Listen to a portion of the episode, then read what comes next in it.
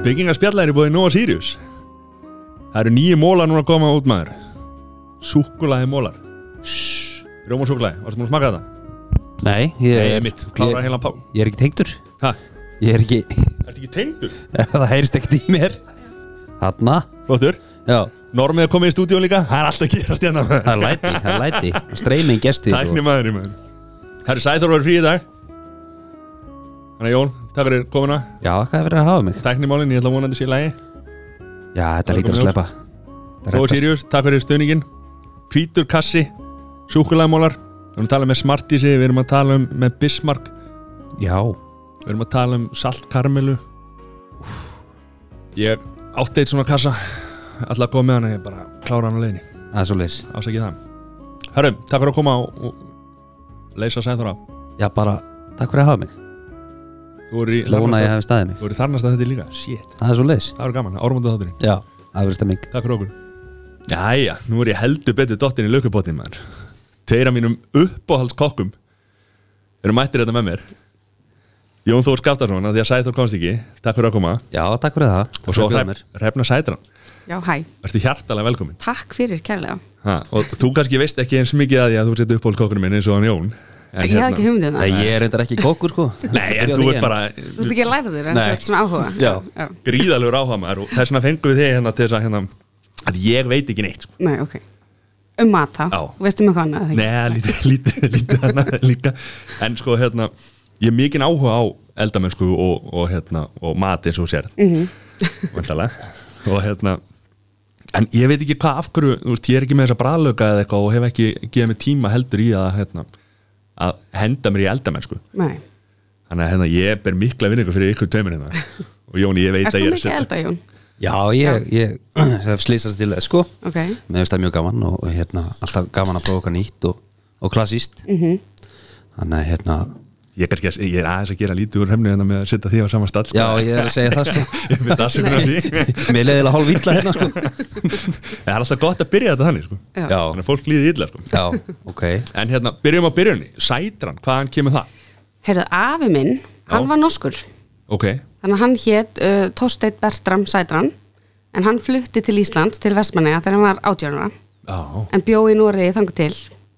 Þannig að hann var bara norskur og ég er þar alveg endur norsk. já, Þannig að pabbi mömmu minnar. já, Mhm. -hmm, og ég tók upp af því að það fylgdi ekki með þú veist þegar ég var yngri þá fylgdi ekki ættanafni með þannig ég erst að taka það upp já, sjálf bara. já, ég erst að breyta nafninu mínu og mér langaði að heita ættanafninu mínu þannig ég gera það Já, Ég var einhvern veginn alltaf búin að halda á að heiti Hrefna Rós, ekki Rósa mm, það, er, örglega, það var algengara Já. en hérna amma mín hétt Hrefna Já, og hinn amma mín Rósa þannig ég er með Rósa ömmu og afanafn Hrefna Já. Rós alveg já, það er allir í nafninu það er ekkert verið að gera upp á milli. Nei, Það er svo svoleiðis. ég pappi er reyndar alltaf á milli Já. hann kemur á milli Já, og hefur eitthvað ræktað rætunar í Nóri eða? Ég hef ekki gert það Nei. En þú veist, ég var mikið með afa og ömmu þegar ég var lítil Og hérna las mikið svona norsk blöð Þau var alltaf áskrifundur af þannig En planið er, mér langar rosalega að fara til Norex Og það er bær sem heiti Sætran Í Noregi, í einhvers þarna Ég er ekki alveg klár á Já, hvar ok. En ég, mér langar svo að leiða svona húsbíl Þetta er minn svona draumur Og fara með mömmu minni Og keira þarna um og kí- fá að kíkja á allt sko já, að því ég man svona sögur sem afi var að segja mér frá því að hann var lítill Já, það er frábært það var Ég- gaman að kíkja á það já, hvað er hérna, já, veist ekkert hvað þetta er það? uh, ekki alveg, ég er, í, eufst, ég er að fara í rannsóknarvinnuna að skoða hvert allt er af því þau eru bæði eufst, dáin Já. þú uh, f- fóru þegar ég var 12 ára Ok, þannig að ég get ekki spurt Nei, hérna þar og þau voru svolítið svona eldri þannig að það er ekki margir eftir sem að maður getur spurt eitthvað mikið út í já, já. Þetta er geggjað maður. Mhm. Hvort er betra, hérna, íslenskur eða norskur fiskur? sko norski laxinn, hann er mjög svona uh, mikið, eða s- fólk er mjög hrifið á honum og það er verið að selja hann út um allan heim en ég er mjög hrifin á náttúrulega bara íslenskum viltum lax Já, þannig að þetta er tvent ólíkt, myndi ég að segja og það lórið mikið af þessum eldislags í dag já, en ef þú færð, færð viltan lax þá náttúrulega það er toppurinn sko Já, Ertu að veiða sjálf eitthvað? já, Já. ég er endur í því ég er í lagsviði Já, snilt maður. við hérna, við erum ekki konið svo langt sko Nei, Ég hef að fara einu sinni, sko. það er- Já. en ég kann ekkert að veða öðruvísi Nei. ég bara byrjaði í því, Já, já. það er bara eina sem ég geri í veiðinni Fórst bara beint í þetta. já, Já, Ég ég er get alltaf bara ekki. með bensinstöðastöng og svona svartan tópi og svo er það festist ég þá get, bara- ekki, ég get ekki kasta þannig stöng þú Nei, veist, það ok. bara fer ekki út, þú veist, ég bara veit ekki hvað að gera Já En þú ert í flugunni þá ég er bara í flugu við Ó, er, Það er miklu erfiðara en það, Ég mér finnst veit það svo það. auðvelt ég Ég- er bara það bara eitthvað svona sjú, Já, ok. Þú hefur kemur, aldrei krekt í sjálfa þig eða neitt jú, jú, auðvitað oft, Hún er í vegið sjálfa sig. hendina svona Já. þú veist, fengja ungulina alveg og maður er að segja vídeo sem fólk er með þetta í kinninni og Já, Sæþór fekk í kinnina hérna, það talaði nú um það ekkert mann Ég hló mikið Já, svo var einhver sem fekk ég eirað og var bara með það mjög lengi, þú veist, með ungul eiran Já, hérna- staðið fyrir hérna staðið fyrir eirnalög bara með ungu leirann það var endilega rosalega friðsta- friðsælt að standingsta út í miðri á og bara með stöngina og já, mér finnst það svona aðal sem ég fíla við þetta, þú veist, það er ekki endilega að veiða fiskin, þú veist, það er bara að fara út á land og vera bara í einhver símasambandi og vera með skemmtilegu fólki og borða góðan mat Mhm. þannig að svona umgjörðin öll og bara standa mitt úti og vera úti, maður er ekkert mikið úti 12 tíma á dag, Þetta Nei. er þú nefnilega veist alveg já, ruggla sko, Já. í góðu veðri, veðri og, og hérna- maður vaknar eldsnemma og fer út, þú veist, beint út og bara, já, losnaðu síman loksins já, Já. nákvæmlega Það er náttúrulega best að vera í einhver ásaðan sem er ekki tímanaband einmitt, já, Það er náttúrulega Þetta er alveg magnað svona útivera og, og maður gerir allt og lítið af þessu já svo er yfirleitt mikið í kringum kvöldin eða ekki svona góð veistlaga kvöldi og, Jú, maturinn er alltaf mjög seint já, Þú veist, og svo finnst mér, mér finnst rosa gaman að fara bara í svona litla á það sem eru bara þrjár stangir eða eitthvað þannig að maður er að elda sjálfur Já. þú veist, það er ekkit endilega, þú veist maður getur farið það sem hefur verið að elda fyrir mann og alltaf og það er svona dýrari típan en þú veist, ég er persónulega hrifnar að bara fara í litla á það sem maður sér bara alveg um þetta sjálfur og ertu þá að fara úst, ertu að elda fiskin sem þú ert að veiða strax eða, Já, við höfum gert það Já. Þá erum við kannski með sashimi eða eitthvað svoleiðis. já, Ég myndi líka elda sjálfur ef að ég gæti það sko, ef ég væri ekki ákvöður að elda þú sko, þá myndi Er ekki erfitt að vera kokkur ég bara spyr sko Já. að, hérna, að kokka fyrir aðra kokka þú veist eins og ef það er einhver svona sem að þú veist um að hérna, þú er mæntalega elda fyrir einhverja kokka sem þú Já, þekkir sko ég man Þetta var mér- erfið spurning. Já, Já. mér finnst í dag er, er ég ekkert að pæli því En ég man þegar ég var að læra Þá var ég ekki byrjað að veiða En þá fór ég að vinna í miðferðar á Í alveg svona sex vikur, alveg samflétt Og ég vissi ekkert hvað var að veiða Ég bara fór þarna á þeim langaði reynsluna Og þar var ég að elda fyrir kokk sem heitir Sturla Birgis Sem var alveg bara, og er alveg frábær kokkur Og var yfir í Perlunni og var í Búkustór sem er svona kokkakjafni Já.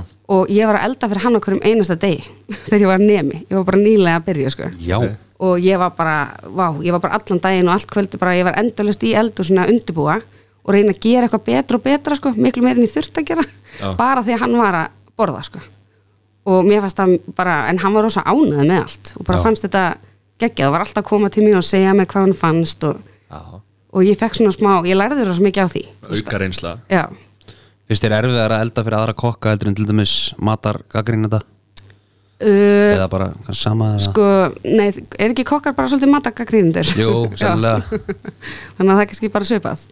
já, svona ma- mata gaggrínundur hvað, þetta er eins og hérna, tónlista gaggrínundur og svona sko, hvað, ég skil þetta ekki mér er svo erfitt að hérna, sérstaklega hérna fólk er að drulla yfir einhvern sko. Já, það er náttúrulega núna í dag með Facebook og Instagram og öllu þessu, þá eru allir orðnir gaggrínundur. Já, já. Og það er ekki eins og til dæmis greipan, þau eru mikið að gefa svona gaggríni, en það er ekki neitt svona lærið kokkur eða ne- lærið þjótt sem er að gefa. Þetta eru bara venlögt fólk sem er að fara út að borða, þannig að þau eru bara að segja sína reynslu, Já. Þú veist, þannig að þau eru bara að meta þetta eins og hver annar, sko. já Það er svo ekki ert þú svona, náttúrulega- svo erst þú náttúrulega líka að dæma í einhverjum sjónastáttum og svona, en förum við það aðeins eftir hérna.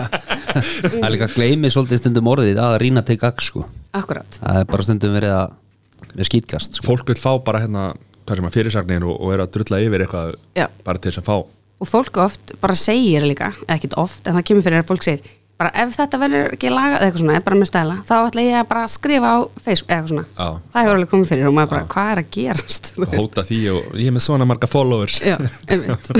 og svo annar kapitúli ef að fólk er að segja, ég er með svona marga followers má ég koma ókipis út að borða já, já, það er mér fyndið það er eru það að lenda svolítið í þá, því á stöðunum hjá ykkur það eða? var meira fyrir svona tveimur árum Já. það var mikið af útlendingum sem voru að ferðast til Íslands og hérna þau sendu mail á alla staðina og svo sá maður þegar þau hérna, voru eitthvað, ég er með svona marga followers og ég er að skrifa grein þarna og eitthvað og svo sagði maður kannski nei, þú veist, við vorum ekki mikið mm Mhm. þú veist, við bara eitthvað, tókum það, það ákverðan að gera það ekki mikið en þá sá maður hvert þau fóru að borða síðan Já. Af því það, það, það þú veist, gáfu öllum geggjað engun sem þau fóru Mhm. þannig að það var svolítið svona keift gaggrinni maður sér það bara svona, já, já. Já. það var ekki hashtag ad þar Nei, það var ekki byrjað en minnaði bara á það að þú mátt svara mér líka ég sendi á því hana, hvort ég fengi frýtt að borða Ég- þú svaraði mér aldrei en allt í- allt í lagi, tökum það bara eftir Mm. en hvað hérna uh, já þið fluttu til eigi, ertu þaðan þá eða hvernig, Nei, nei, nei, Nei. svo bara flyttur afi í land og kynnist ömmu og hérna, við, ég hef alltaf bara búið í Reykjavík já, bara átti heim upp í Breiðaldi, dangli á 12 ára Þá efra að neðra það ég átti heima í Seljakörfi Já, þannig ég ólst þar upp æðislegt körfi, mikið að krökkum og svaka stuð þar alltaf ég er fættur uppalinn þar líka já, ég er alltaf að gera Hvar grína áttu þessu heima? Það- Ég er í stíplusili já, ég var í kampasilinu Já, já rétt já já, bræðlugarnir eru hann í Já. seljakörðu, já, já. það er svo Það lík- Líkja allir strömmar í seljakori sko. Já, hann, hérna, Árni Ólafur, þekkið hann Nei, hann er hérna með þætti á hann var með kokkaþætti, hann er hérna, mann ekki hvað það heitir, hér blómlega bú já, já, já, já, já. hann var með mér í Beck, Já. hann er líka úr sælíkvarinu já, Já, ok Já, já, orðin það var svolítið skemmtilega þetta Já. líka já, þeir eru, já. hann er frábær mm -hmm. Já, vel gert já. En já, stú, hérna, bregðaldi og hvað En þessi kokka áhugi og, og matreislu, hérna Hvernig segir maður? Mat, maður segir ekki kokka áhugi, Það var ma- mataráhugi eða eitthvað, já. Hefur það verið alltaf eða? Hvernig, Sko, þegar ég var lítil, þá byrjaði þetta einhvern veginn að ég var alltaf að elda fyrir alla vinn mína og foreldra. Ég bara byrjaði mjög ung að horfa á Sigga Hall, bara non-stop, bara tók upp á vídeospólu. Þú veist, ef mamma var að taka þetta upp, hún ætlaði eitthvað að eiga þetta, en ég bara horfði á þetta í staðan fyrir þú veist, teiknumyndir. Bara ef ég var veik, þá setti ég Sigga Hall í og bara horfði á hann í tvo daga bara. eðlilegt Eld, nákvæmlega Mér fannst þetta bara geggjað Já. Og svo byrjaði ég að elda, þú veist, eftir honum Og svo átti ég líka Disney kokkabókina Þar voru uppskriftir og ég var eitthvað svona Æ, krakkar, hefur komið heim til mín og gerði eitthvað svona shake fyrir alla Þú veist, og byrjaði bara mjög unga á þessu Já, Og hérna, það var svona barborðin í eldhúsi hjá okkur Og hérna, þá sátu krakkarnir við barinn Og ég var svona hinum einn að gefa þeim eitthvað Hvað ertu gömul hana? Þannig er ég bara eitthvað 7-8 ára eða eitthvað Nei Jú, Og hvað ertu að elda? Ég man sérstaklega, ég var að gera bara, ég veist, ég var bara að gera samlóku, kannski samlóku, ristaða samlókur og svo mismunandi, sko, og hérna eitthvað, Samlokar ekki bara samlokar, sko nei, ég var að vanda mig, þetta var náttúrulega geggjað, þetta var, eða þú veist, ekki geggjað, ég er að meina, þetta var meiri metnaðar heldur en bara eitthvað samlóka, þú veist, Mhm. ég var alveg svona grillana, ég var með svona grillana í tvær myndi svona, svo sneri henni, þú Nei, veist, ég var að byrja að hugsa alls konar hvernig næ ég að rista brauðið allt, þú veist, þetta er geggjað metna þetta var alveg við svolítið vorum bara í bröðið með Tómasósu og stektu lauk sko Já. Ég hef bara ristabrið með hérna rappabrasöldu geggjað, það er ógeðslega gott. En varstu þá að setja upp svona, varstu að búa til sjónvarstætti fyrir viniðina þetta, er svona, varstu ég var að herma eftir? alltaf með sjónvanstátt í speklinum inn á baði, ég var ekki, ó ég er að fara að gera eitthvað nú ætla ég að gera það, og eitthvað svona Já, ok og hérna, já, mér fannst þetta bara óslega gaman Já, þannig að ég var eitthvað datt inn í þetta, en svo byrjaði ég líka að gera sko, bauði kannski eh, amma og afi komu og mamma og pappi og eitthvað og þá bjóði ég til matsela þú veist, þá gerði ég bara á bara eitthvað blað, þetta var náttúrulega bara, ég handskrifaði eitthvað og svo létið þau fá matsel og svo var ég með svona stykki á hendinni þjóttn og Eh, var þjóttnin sko, og svo tók ég pöntun og reyndi að koma öllum í sama réttin sem tókst náttúrulega alltaf mjög vel og svo fór ég að elda þetta og kom með þetta til þeirra og, og þau borðuðu þannig ég var í svona veitingahúsa leik bara strax, Eh, bara kóðinni rekstu bara um leið já, bara byrjaði mjög ungi í rekstri Já. ég með mér, svo rukkaði ég nei, Já, já, okkur ekki Og, og, og hjælt þetta áfram bara inn í úlinsárinu eða? nei svo, svo bara fór ég að gera alls konar ég var mikið í samkvæmstönsum þannig ég var rosa mikið í því og ég var að keppi því og hérna, það átti svolítið mikið parta mér eða, þú veist, Já, að stórluti og ég var í ballett og ég var bara í öllum dansum sem hægt er að vera í já, og hérna ég var bara í skólanum og svo fór ég í dansinn og svo var ég að leika mér náttúrulega með vinn mín og svona en hérna svo var ég úlingur og þá vildi ég ekki lengur verið dansi og fór ég bara, vildi bara vera með vinnum mínum Já. og ég var ekki mikið eitthvað, jú ég var alltaf eitthvað að gefa öllum að borða eitthvað en hérna var hægt kannski, ég veit ekki hús að leiknum það var kannski ekki nógu töff þegar maður er úlingur nei En Þetta er þannig áður, varst, fórstu þá sagður við fóreldreina hvað þau ættu að kaupa í matinn eða var, voru þau búin að ákvæða það og þú bjóst til rétt Sko ég um var það eða hvernig? rosalega mikið í því að nota það sem er til þú veist, og það sem var til bara heima. Ég bara horfði nýskap og bara hugsaði þetta ætla ég að gera úr þessu og þú veist, ég var ekkert mikið að byggja um að kaupa eitthvað sérstætt. Þú veist, Þetta var meira svona, ég hugsaði hvað passa saman og svona og mamma hún mann sérstaklega eftir því að einu svona fengum við báðar hettusótt vorum veikar einhver tíma og mamma náði ekkert að fara út í búð það var rosalega mikið bara einhver dósamættu til og þú veist, ekkert mikið sérstaklega til en ég náði einhvern veginn að elda fyrir okkur tvær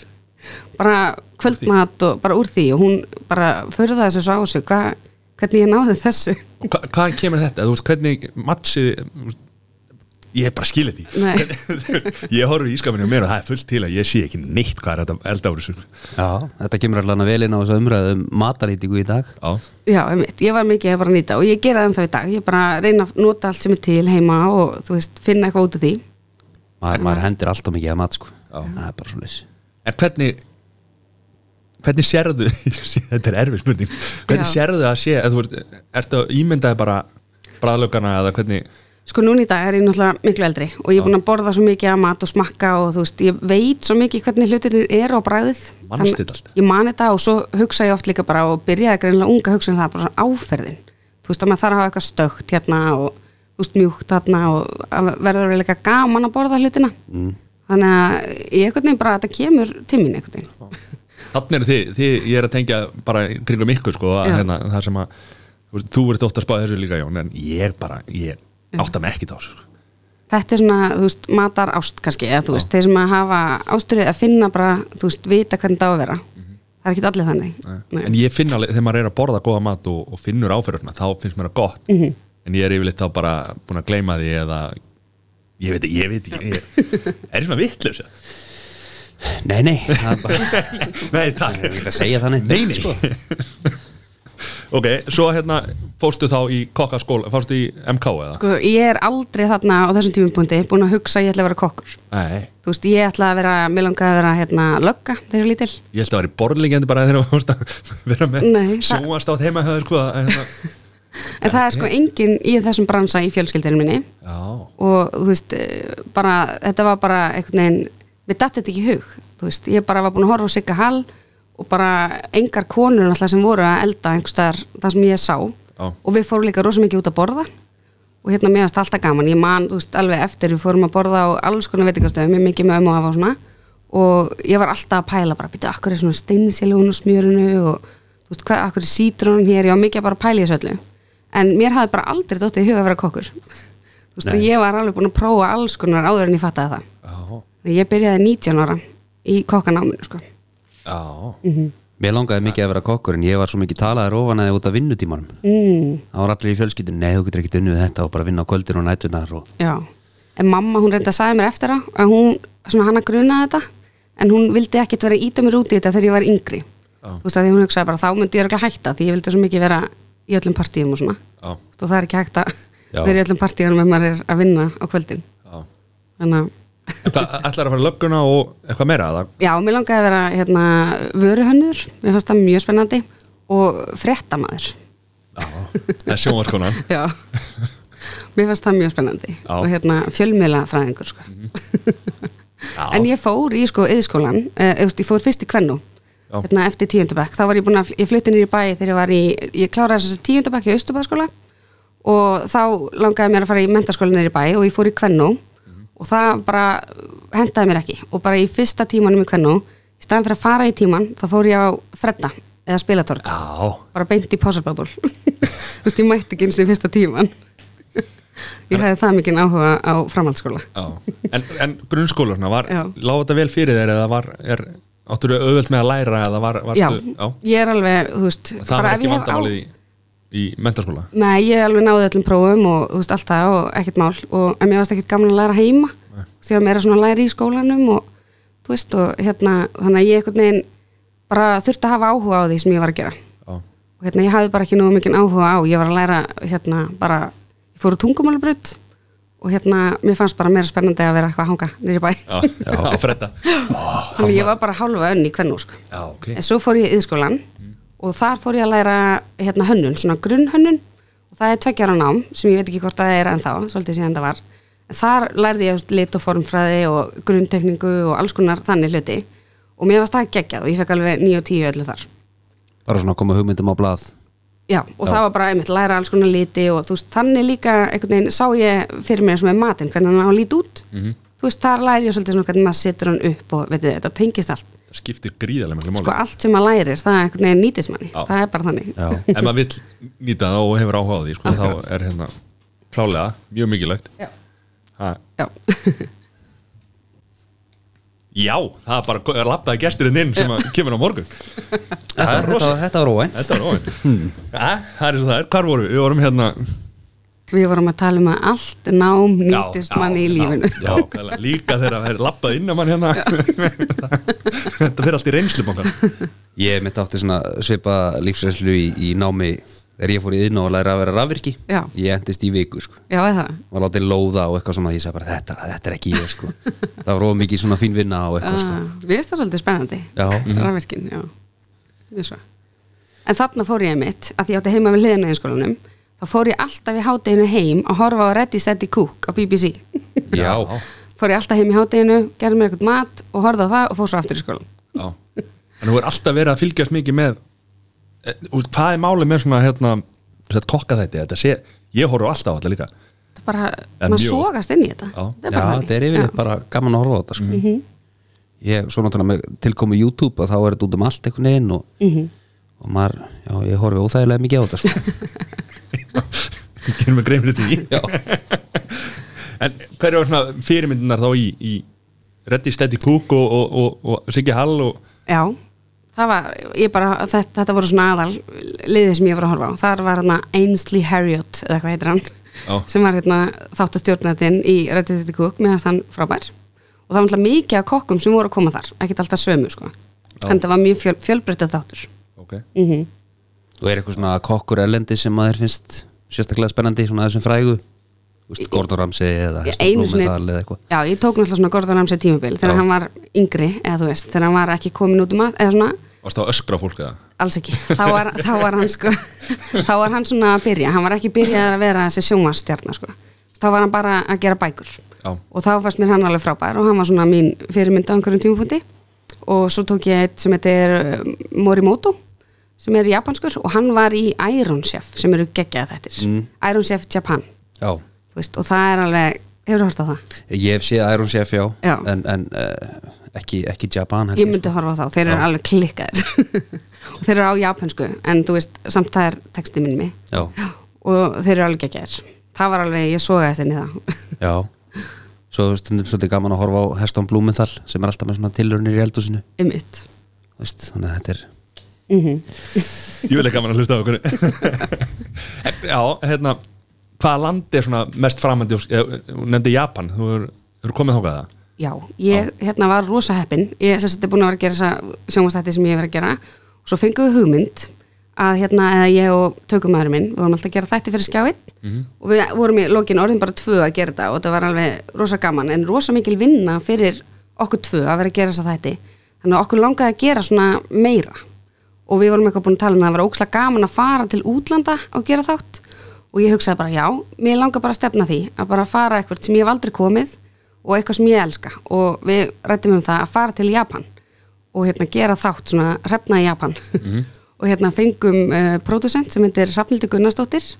og hún er með krummafilms, hún er mjög góð svona heimildakvikmynd að gera kona og hún var til í þetta þannig að við fórum saman til Japan vorum þar allan februar 2000 var ekki tvö, ég mér rosalega lél tímaskinn já. 2000 eitthvað það var í, í fyrra Já. Eða, já. og hérna vorum þar allan februar og svo, þá gerðum við þáttinn Smakk Japan sem var sýndur á sjónvarpið Simas Mhm. það voru sex þættir og við tókum það sem sagt uh, að því að Japan og Ísland er með svolítið svipa hráefni Þú veist, við erum að selja kval til Japan og þeir borða hestakjöt og þú veist þannig að við erum svolítið svipuð þjóð Mhm. og ég fekk að fara til Japan í fyrst skipti og ég er svolítið svona, mér leiði svona sem ég var komin heim já, það var alveg ótrúlega merkilegt ég bara, allir, allt fólki var svo svipað og ég einhvern veginn og allir svolítið litil líka það er Já. ég svolítið lítil þannig ég passaði í allt svona í lestinni þá náði ég í bandið uppi þú veist. allt hanna fyrir Já. og ég bara mér langar geggja að fara aftur til Japan og bara í frí, það er alltaf öðruvís að vera í ég fekk ekki náttúrulega að gera allt sem ég langar að gera ég var bara að gera þáttinn Já, voruð á hérna markaðin, hann fiskmarkaðin hann, já, við fórum á hann hann Farið þarna, heitir ég man ekki hvað hann heitir. já, hefur farið hann, Já.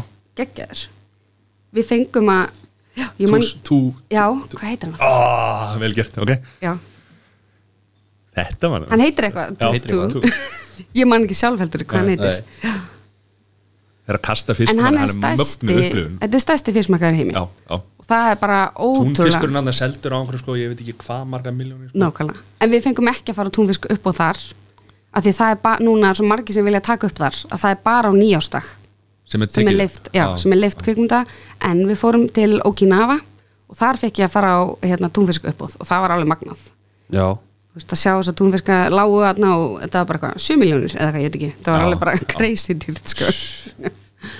er það bara því að eftirspurnin er orðin svona eða sem sagt frambúði lítið eða já, þetta er svona bluefin túna Já. sem er náttúrulega rosa dýrt ráðni já, og hérna erfitt að veiða þá ég held, þú veist, þeir eru svolítið neðalega í sjónum já, og hérna, svo var búið að skera svona í þannig að þú sást sko kjöti hversu raut það var já, og hérna voru svona vissi hluti sem þú ættir að, að hérna, sjá hversu gott ráfn þetta var og svo var, sömintúmiskar voru ekki dýrir Nei. þú veist, þú vissir eiginlega ekki hvað varst með í höndunum fyrir þú varst búin að kíkja á kjötið Já, farið ekki að sjá það, þú býðir bara í fiskinu eða ekki eða þú, s- það var búið að skera svona Já, búið að rauð skera, já, já, þannig að já. þú gast séð og þá var rukkað bara ekstra fyrir það og það er það fyrst og fremst verið að nota þetta í sushi eða eitthvað svo leiðis eða þannig að já, þetta er mikið notað í sushi Já. og ég held ég selji þetta líka bara út um allan heim Já. þú veist, Og besti fiskurinn, er það, hefur smakað Hefur smakað túnfisk já, ég hérna, Túna Vá, geggjur spurning Ég var með þetta að skrifa henni hérna á mér en hérna já, þessi, þannig að geggja þessu túnfiskur en það, hérna minnum og eitt, þegar ég var að læra sérst á apotekinu og apoteki var svona fyrsti staðurinn þetta er apotekið sérst gamla, ekki Já, nýja já. og hérna, það var fyrsti staðurinn sem var að selja svona ferskan túnfisk og það stóð grillaði túnfiskur og rosalega margir íslendingar, þeir spurðu bara, hvernig grilliði túnfiskin bara, er hann grillaður í dósinni Já. ég er ekki að tjóka bara óra túnfiskur og dós að því þú veist, þetta var árið 2000 og fólk bara, það er svo stutt síðan að við vissum svona mikið um mat Já. Þú veist, það er ekkert langt síðan að við vorum bara með kjúkling og franskar og rosa mikið í dósum og kartöflur, að veit þið Þetta er búið að þróast alveg gríðarlega núna bara á, er, hver er ástæðan fyrir því? Er það, sko við, bara Íslendingar erum ótrúlega svona viljum mikið og sæk, just, við erum alltaf nýstu símana og við, við erum bara svona tækni þjóð einhvern veginn, þú veist, allir vitar rosa mikið, ferðumst núna, þú veist, við erum alltaf á sér að eigu og allir ferðast rosalega mikið, við erum klikkuð við erum mjög klikkuð, Já, það er bara þannig Já, það er staðreynd. Já. Þannig að á við erum að- skemmtilegan Já, að hátt, sjálfsögðu. ha, algjörlega sko. já, Þannig að við erum að sækjast í þá já. set nýja staði og nýja rétti og svona, þá, svo, þannig kemur þetta heima já, og við erum bara með ótrúlega flott úrval og gæði og allt, bara allir veit ekki það er Reykjavík, þeir eru bara ótrúlega gæði og allt með að við út í heimi sko. þú veist, Já. með að við höfðatölu okkur og, Þetta er mjög vel gert. Heimsmestrar með höðatölu Já. En hérna, þú það fær fórst maður bara valkvið að maður er að fara út að borða þetta sko. það er svo mikið af stöðum eða, þú veist. já, það er Ég vil alltaf alltaf grillmarka en það er nú annar mál. já, I go to Mhm. En hérna, þannig að þú fórst þá í eftir þetta námið einskólanum Já. Við erum að halda já, hérna já, já lista Hérna, hvenær byrjar í þá kokka náminu? Sko, það, ég var, mér langaði rosalega að fara í útskriftaferð og það voru vinkonum mínar að voru að útskrifast úr MR og ég bara, heyrði, ég ætla að fara í svo útskriftaferð með þeim, öllum enn í MR og hérna, og ég tók með mér matarást eftir nönnu röggvaldar, vinkonum mínar var bara allar ekki að taka með bók að lesa ég eitthvað, jú, jú, Þú veist, og ég tók ma- hún er sko risa Já, ok, og ég tók það með mér til Benidorm geggjað bara mjög skrítið Nei, og, allt Eðlilegt eðlilegt það, já, já, já. og við vorum í þrjár vikur hana, geggjuferð og á, í þeirri ferð, þá segi ég allt inni við hildi vingunum mína, bara, heyrðu, ég held að mér langi að vera kokkur, bara Já, og þannig er ég 19 eða hvað og bara, svo kem ég heim og þá hugsaði ég bara, hvernig verður maður kokkur bara ég vissi náttúrulega ekki neitt Mhm. ég er bara búin að horfa á sjónvastætti og það er náttúrulega allt annað heldur en hvernig þetta er í alvörunni já, já og hérna ég ringi eitthvað upp í MK og segi já, hérna,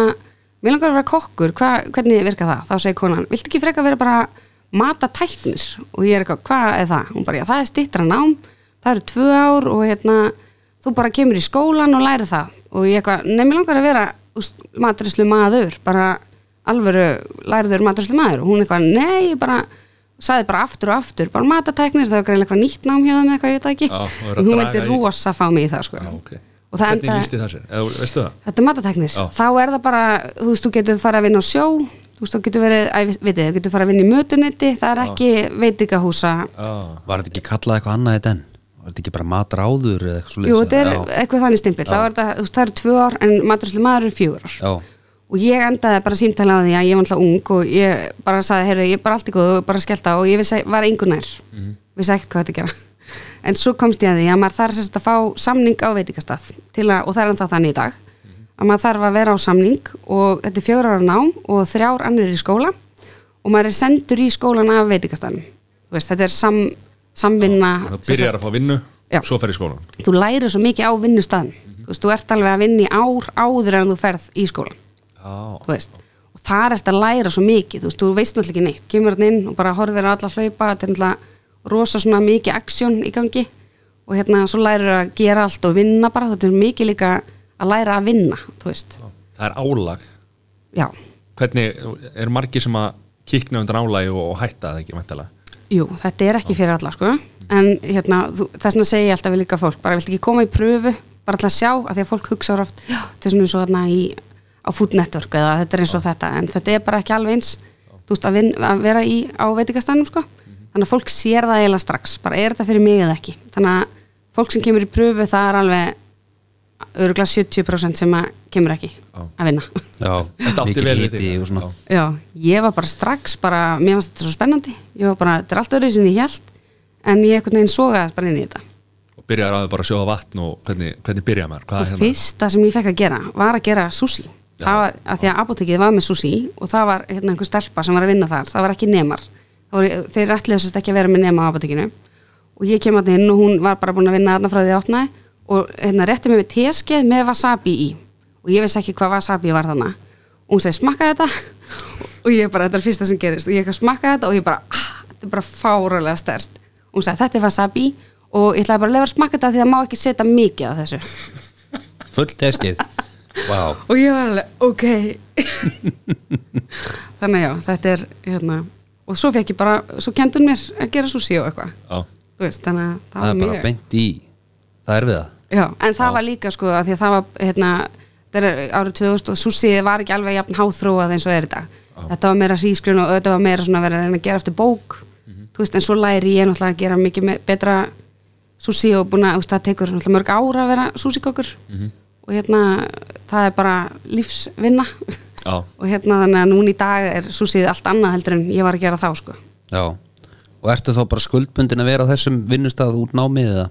sko þú mátt alveg breyta til ef þú vilt, en í- það er alltaf, ég myndi alltaf mæla með að vera á sama staðnum þú veist, þú lærir aldrei allt nefnum þú sért á sama staðnum, svo ertu bara fyrst á einhverju stöð, kannski í desertum eða forréttum, svo farið að fara á grilli eða opnin og lærir meira að vinna með kjöt og fisk og slis, svo farið að fara á hérna, að gera sósur og stekja grammiti og allt svo og svo er hérna lærir bara að vera yfir og tekur pantaninar og lestar upp fyrir allt eldúsið og lærir að stýra, þú veist kyslunni og það er bara svona alveg í lokin þú veist, Eftir þá fjögur ára já Já. og þetta er, þú veist, fólk, þetta er svo mikið bara, þú- þetta er svo mikið að, inn, að, sem sagt að taka inn, þannig að þetta tekur svona langa tíma Já Og, og þetta er hvaða ár sem þú ert að klára námið 2003 útskrifast ég Já Mhm. Og heldur áfram á apotekinu? Nei, þá, ég fekk sérst líka bara í lokin þá fekk ég senasta árið, þá Guffi sem átti apotekið, sem er alveg frábær og hérna, hann sérst kefti veitingastað sem heitir Maru, sem er það sem fiskmarkaðurinn er í dag Já. og hann langaði að opna svona japanskan stað þar og ég fekk að fara þangað yfir og gera matsel og vera bara yfir þar Já það var alveg geggjuð reynsla og hérna það er ekki margir sem að kannski myndi fá svo leis en hann einhvern veginn treysti mér til að gera þetta og ég var bara þar og fullu að hérna, læra svolítið meira heldur en aðri fengu Og þá hétt staðurinn Marú Já. Já og hérna það var bara ótrúlega reynsla en svo eftir það þegar ég útskrifaðist þá fór ég á sjáakjallaran sem að var hérna í aðaldræti 2 Er, sjáakjallarinn, var það Já. meira svona, hérna, sjáaréttir og, og þú veist, ég hef alltaf, ég hef alltaf hræðist einhvern veginn svona, svo fiskmarkaðin og svona Já, já. Já, því að ég Þú held að það varst sé ekki bara óhræddur. fiskur annars sko Þetta er sjá að kjallarinn eru bara með grammetisrétti Já, bara blómkáls Nei, nei, það er, þú veist, á öllum þessu veitingastöðum á Íslandi er allt í búði. Þú veist, kjött, fiskur, græmdis, bara allt fyrir alla. Það þarf að vera á Íslandi. Það er ekki hægt að vera eins og, eins og varum í New York eða eitthvað. Þá getum að vera með bara kjúklingavangi Já. eða eitthvað. Og það er bara fjöldin er þar. Og þú veist, það var hægt að reka þannig stað. En á Íslandi er ekki hægt að gera þannig. Það er mjög erfitt allavega. Það er kannski að kíkja á fiskmarkaðin eitthvað Já. Ég hef ekki Það er þorað að alveg- fara þar. Það er sko naut og lamb og bara verið með krónhjört og reyndýr og Ég eins og ég hef farið ofta á grillmarkaðin að ég aldrei farið á fiskmarkaðin Nei, ég sammála þarna Já, það er að prófa það líka. Já, Já, Já, en, en, já, sjáakjallarinn, hann var svona, hann var ótrúlega vinsæll staður. Hann var hérna svona rosa fusion og hérna Íslendingar voru mjög, að- mjög mikil Íslendingar staður og hérna mikið að brauðum í gangi og bara mikið að gerast, mikið partí og bara brjála að gera og mjög skemmtilegu staður. hvernig er að setja upp svona matseil bara þannig að þú ný, Já, bara þetta er ekki smá ábyrð sko þarna á sjáakjallarinn byrjaði ég bara sem kokkur þar var þú veist, yfirkokkur og vakstjórar og, og hérna fleiri kokkar og nemar og hérna Gulli sem á grillumarkar með mér í dag hann var einmitt nemi á sjáakjallarinn þannig að ég útskrifaðist og, og Gulli er þar sem nemi Já, þar kynntust þið já, 2003 Já, já, og Ágúst sem á með mér fyrstmarkaðinn hann sem sagt var eigandi þarna Já, þannig að ég kynnist mínum samstarfsmönnum bara þarna á sjáakjallarinn En Hvernig er, eins og þú varst að tala um áðan að væri lítið um konur sem voru þannig ábyrjandi í, í kokka hlutverkum og svona Mhm. hvernig var þetta þegar þú varst að koma upp var, var mikið af konum hana sem að voru þá ekki sínilegar eða Sko það var eins og í skólanum þá vorum við í öðrum bekk, þá vorum við tvær stelpur annars var ég bara alltaf eina stelpan sko. Já. það var ekki mikið af konum í, í þessu þá sko og sérstaklega ekki sem yfirmenn eða vakstjórar eða þú veist og hvernig, er- hvernig er að brjótast inn í þennan heim Þe- sko mér fannst það ekkert skrítið, ég var búin að bara orðið mjög þessu sjálf og bara uh, hugsaði ekkert út í það að ég var eitthvað kona eða eitthvað hvað, hvað ég væri skiljið en fólk sem var búin að vera lengi í þessu þeim fannst öllum svolítið skrítið að heyra konur öll vera að stýra eldúsinu og svo var ég að panta og gera og græja alls konar hluti og þá var fólk alveg, "Bíddu, get ég fengið að tala á yfirkokkin og ég eitthvað, ég, ég er yfirkokkurinn þú veist. og hérna fólk svona einhvern veginn var smá tíma að venjast þessu það var alveg Byr, Byrgjar og svona sem að varst- varst að ringi í sem að voru ekki ummitt, þau bara, já, þetta var smá svona skrítið fyrir fólk sem er ótrúlegt, þetta var, þú veist, 2003-2004 fannst þér að finna fyrir einhverju svona kallrembu frá kallkokkum Uh, nei, sko það var meira þegar ég var að byrja Já. þegar ég var nemi, þá einhvern veginn þurfti ég að sanna mig svo opbóðslega mikið bara, þú veist, ég þurfti, mér leiði svona eins og ég þurfti alltaf að gera allt tíu svona betur en strákandir það var einhvern veginn, já, þú veist fólk byrjaði oft, á ég að hjálpa þér? Ég bara, nei, nei, nei, þú ert ekki að hjálpa, ef veit þið að því ég var að stelpa, þú veist, þá var einhvern veginn leiði þeim svona skringilega allt inn og ég var eða með einhvern veginn en svo bara á mjög stuttum tíma bara vöndust allir að þessu sko hvernig er þetta núna, veistu, hvað, svo með fólk sem er að læra, veistu, er mikið af konur sem eru Já, það er alveg mikill munur það er alveg, þú veist, það mætti alltaf vera miklu meira það er ekki, náttúrulega alls ekki jáft en, en það er miklu fleiri stelpur bara sem betur verð Það er- út brautriðandi Vel Já, gert. kannski að fólk er mitt hafi, stelpunar hafi séð mig þá og hérna, dottið í huga að vera kokkur það er mjög gott Mhm. Var það einhvern veginn haldið að væri fleiri konur sem væri góðu kokkar heldur en kallar sko Það er alltaf besti maturinn um ömmu sko Já, Ha, Mömmumadur, Já. klikkar ekki Þannig að Já, þannig að þið, þarna kynntust þið Já. og var það bara unnu saman í einhver ár og, og var það bara ákveði að slá til eða? Sko ég hérna saði við Gústa hérna, þegar ég byrjaði á sjáakjallarum saði ég bara, mér langar rosalega að eiga veitingasta ég saði bara, bara svo vitið að það langar mér rosalega að eiga veitingasta svo var ég að vinna náttúrulega frá 2003 til 2007 á sjáakjallarunum og vann mig upp í að vera yfirkokkur og svo bara hérna ákveður hann að hann langar ekki lengur að vera í þessu fyrirtæki Þeir- þeir áttu nokkra staði og hérna þeir bara ákveða að splitta og hérna hann kemur til mín og segir hvað segir, langar hann það að opna veitingastað og ég alveg já, mjög mikið hann að við förum og opnum fyrstmarkaðin Já. saman þá sko Hann er náttúrulega undan mér. já, hann er 2007 sko Já.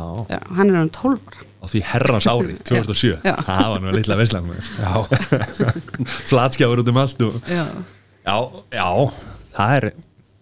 Jón, við erum að fara, gera okkur ferði í fiskmarkaði. Já, klármál, Já. klármál. Og hvenar, hva, hvenar kemur svo grillmarkaðurinn til sögunar?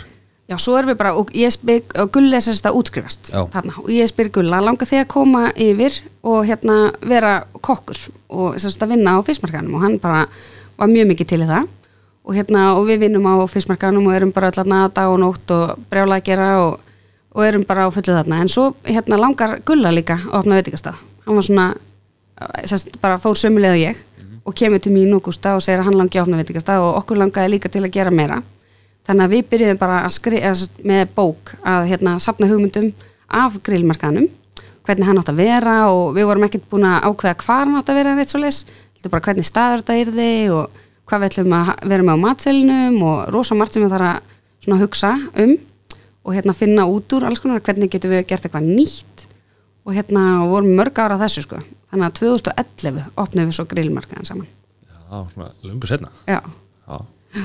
Og það er nú heldur betur sliðið gegn. já hann er náttúrulega rosa, rosa mikill íslendingastæður og bara algjör partistæður og mjög gaman að borða þar Og Líka flott, flott uppsettur og, og, og hérna, svona fiskróð og, og, og hérna... Bara ríkalega flóti staður sko. hann er svona íslenskur Þú veist, þar, þar erum við með allt eins og hérna innvið eða svona sérst, interior, það er allt svona íslenskt Mhm. Já. og maður horfir á grillmarkaðin og maður veit alveg að við þurfum ekkit eitthvað að vera að breyta honum eða lagan hann er bara klassískur Mhm. þú veist, og hann verður alltaf töff hann er ekki eitthvað svona tengdur einhverju tískubilgju Mhm. þú veist, það er ekkit núna allt eitthvað pastilarna, þetta er allt bara þú veist, þetta mun vera klassíst alltaf, held ég sko Mhm. stuðlabergin hann og ég var að reyna að leita á orðinu Já, einmitt. það er mjög flott Já, svo erum við með trönur, þetta er alveg trönur að var þurrkaður harfiskur á þessu já, út um allt annað og hérna hlaðið svona hlaðsteina. já, já. þetta er geggja sko. En það, er líka, það er ekki bara matur sko. þú veist, það er upplifun líka að, frá A til Ö mm -hmm. og lúkið á og svona maður, og það, Það er bara að koma inn, þú veist, á góðu kvöldi á, eða, þú veist, um, svona í keisluna á grillmarkanum og lappa inn og lappa niður stígan, þú, ert bara, þú fer bara í gottskap. Þetta er bara þannig. já. ég vera í vinnunni á mér þá ég tekið hérna, alltaf er að koma útlendingar Já. þá fer ég, panta ég alltaf grillmarkan og fer ég hérna hvað er þetta? Hérna, svona smakk, smakk, smakk, já. hérna og þetta borða hrefnukjöt Sveitafyrna eða eitthvað Nei, hvað Og heitir það það? er líka, það er sko smakkseðil og sveitaferð. já, Já. já. tekið smakk segil hann og, og djúbstekti hérna ekki djúbstektur harfiskur Jú, grætni eða eitthvað, þetta er sko. geggjart Það er þarna sama. kemur, þarna kemur vöruhönnurinn inn sko. einmitt. Svo að fara á klósetti í vaskin Já. Svo Þetta er rekst maður í hendunar á manneskinu móti Þetta er, þetta er svolítið svona Já, Þú verður svolítið að taka upplifun í hendunar, þú Já, veist, það er það er svolítið svoleiðis. skemmtilegt. Og toga Já,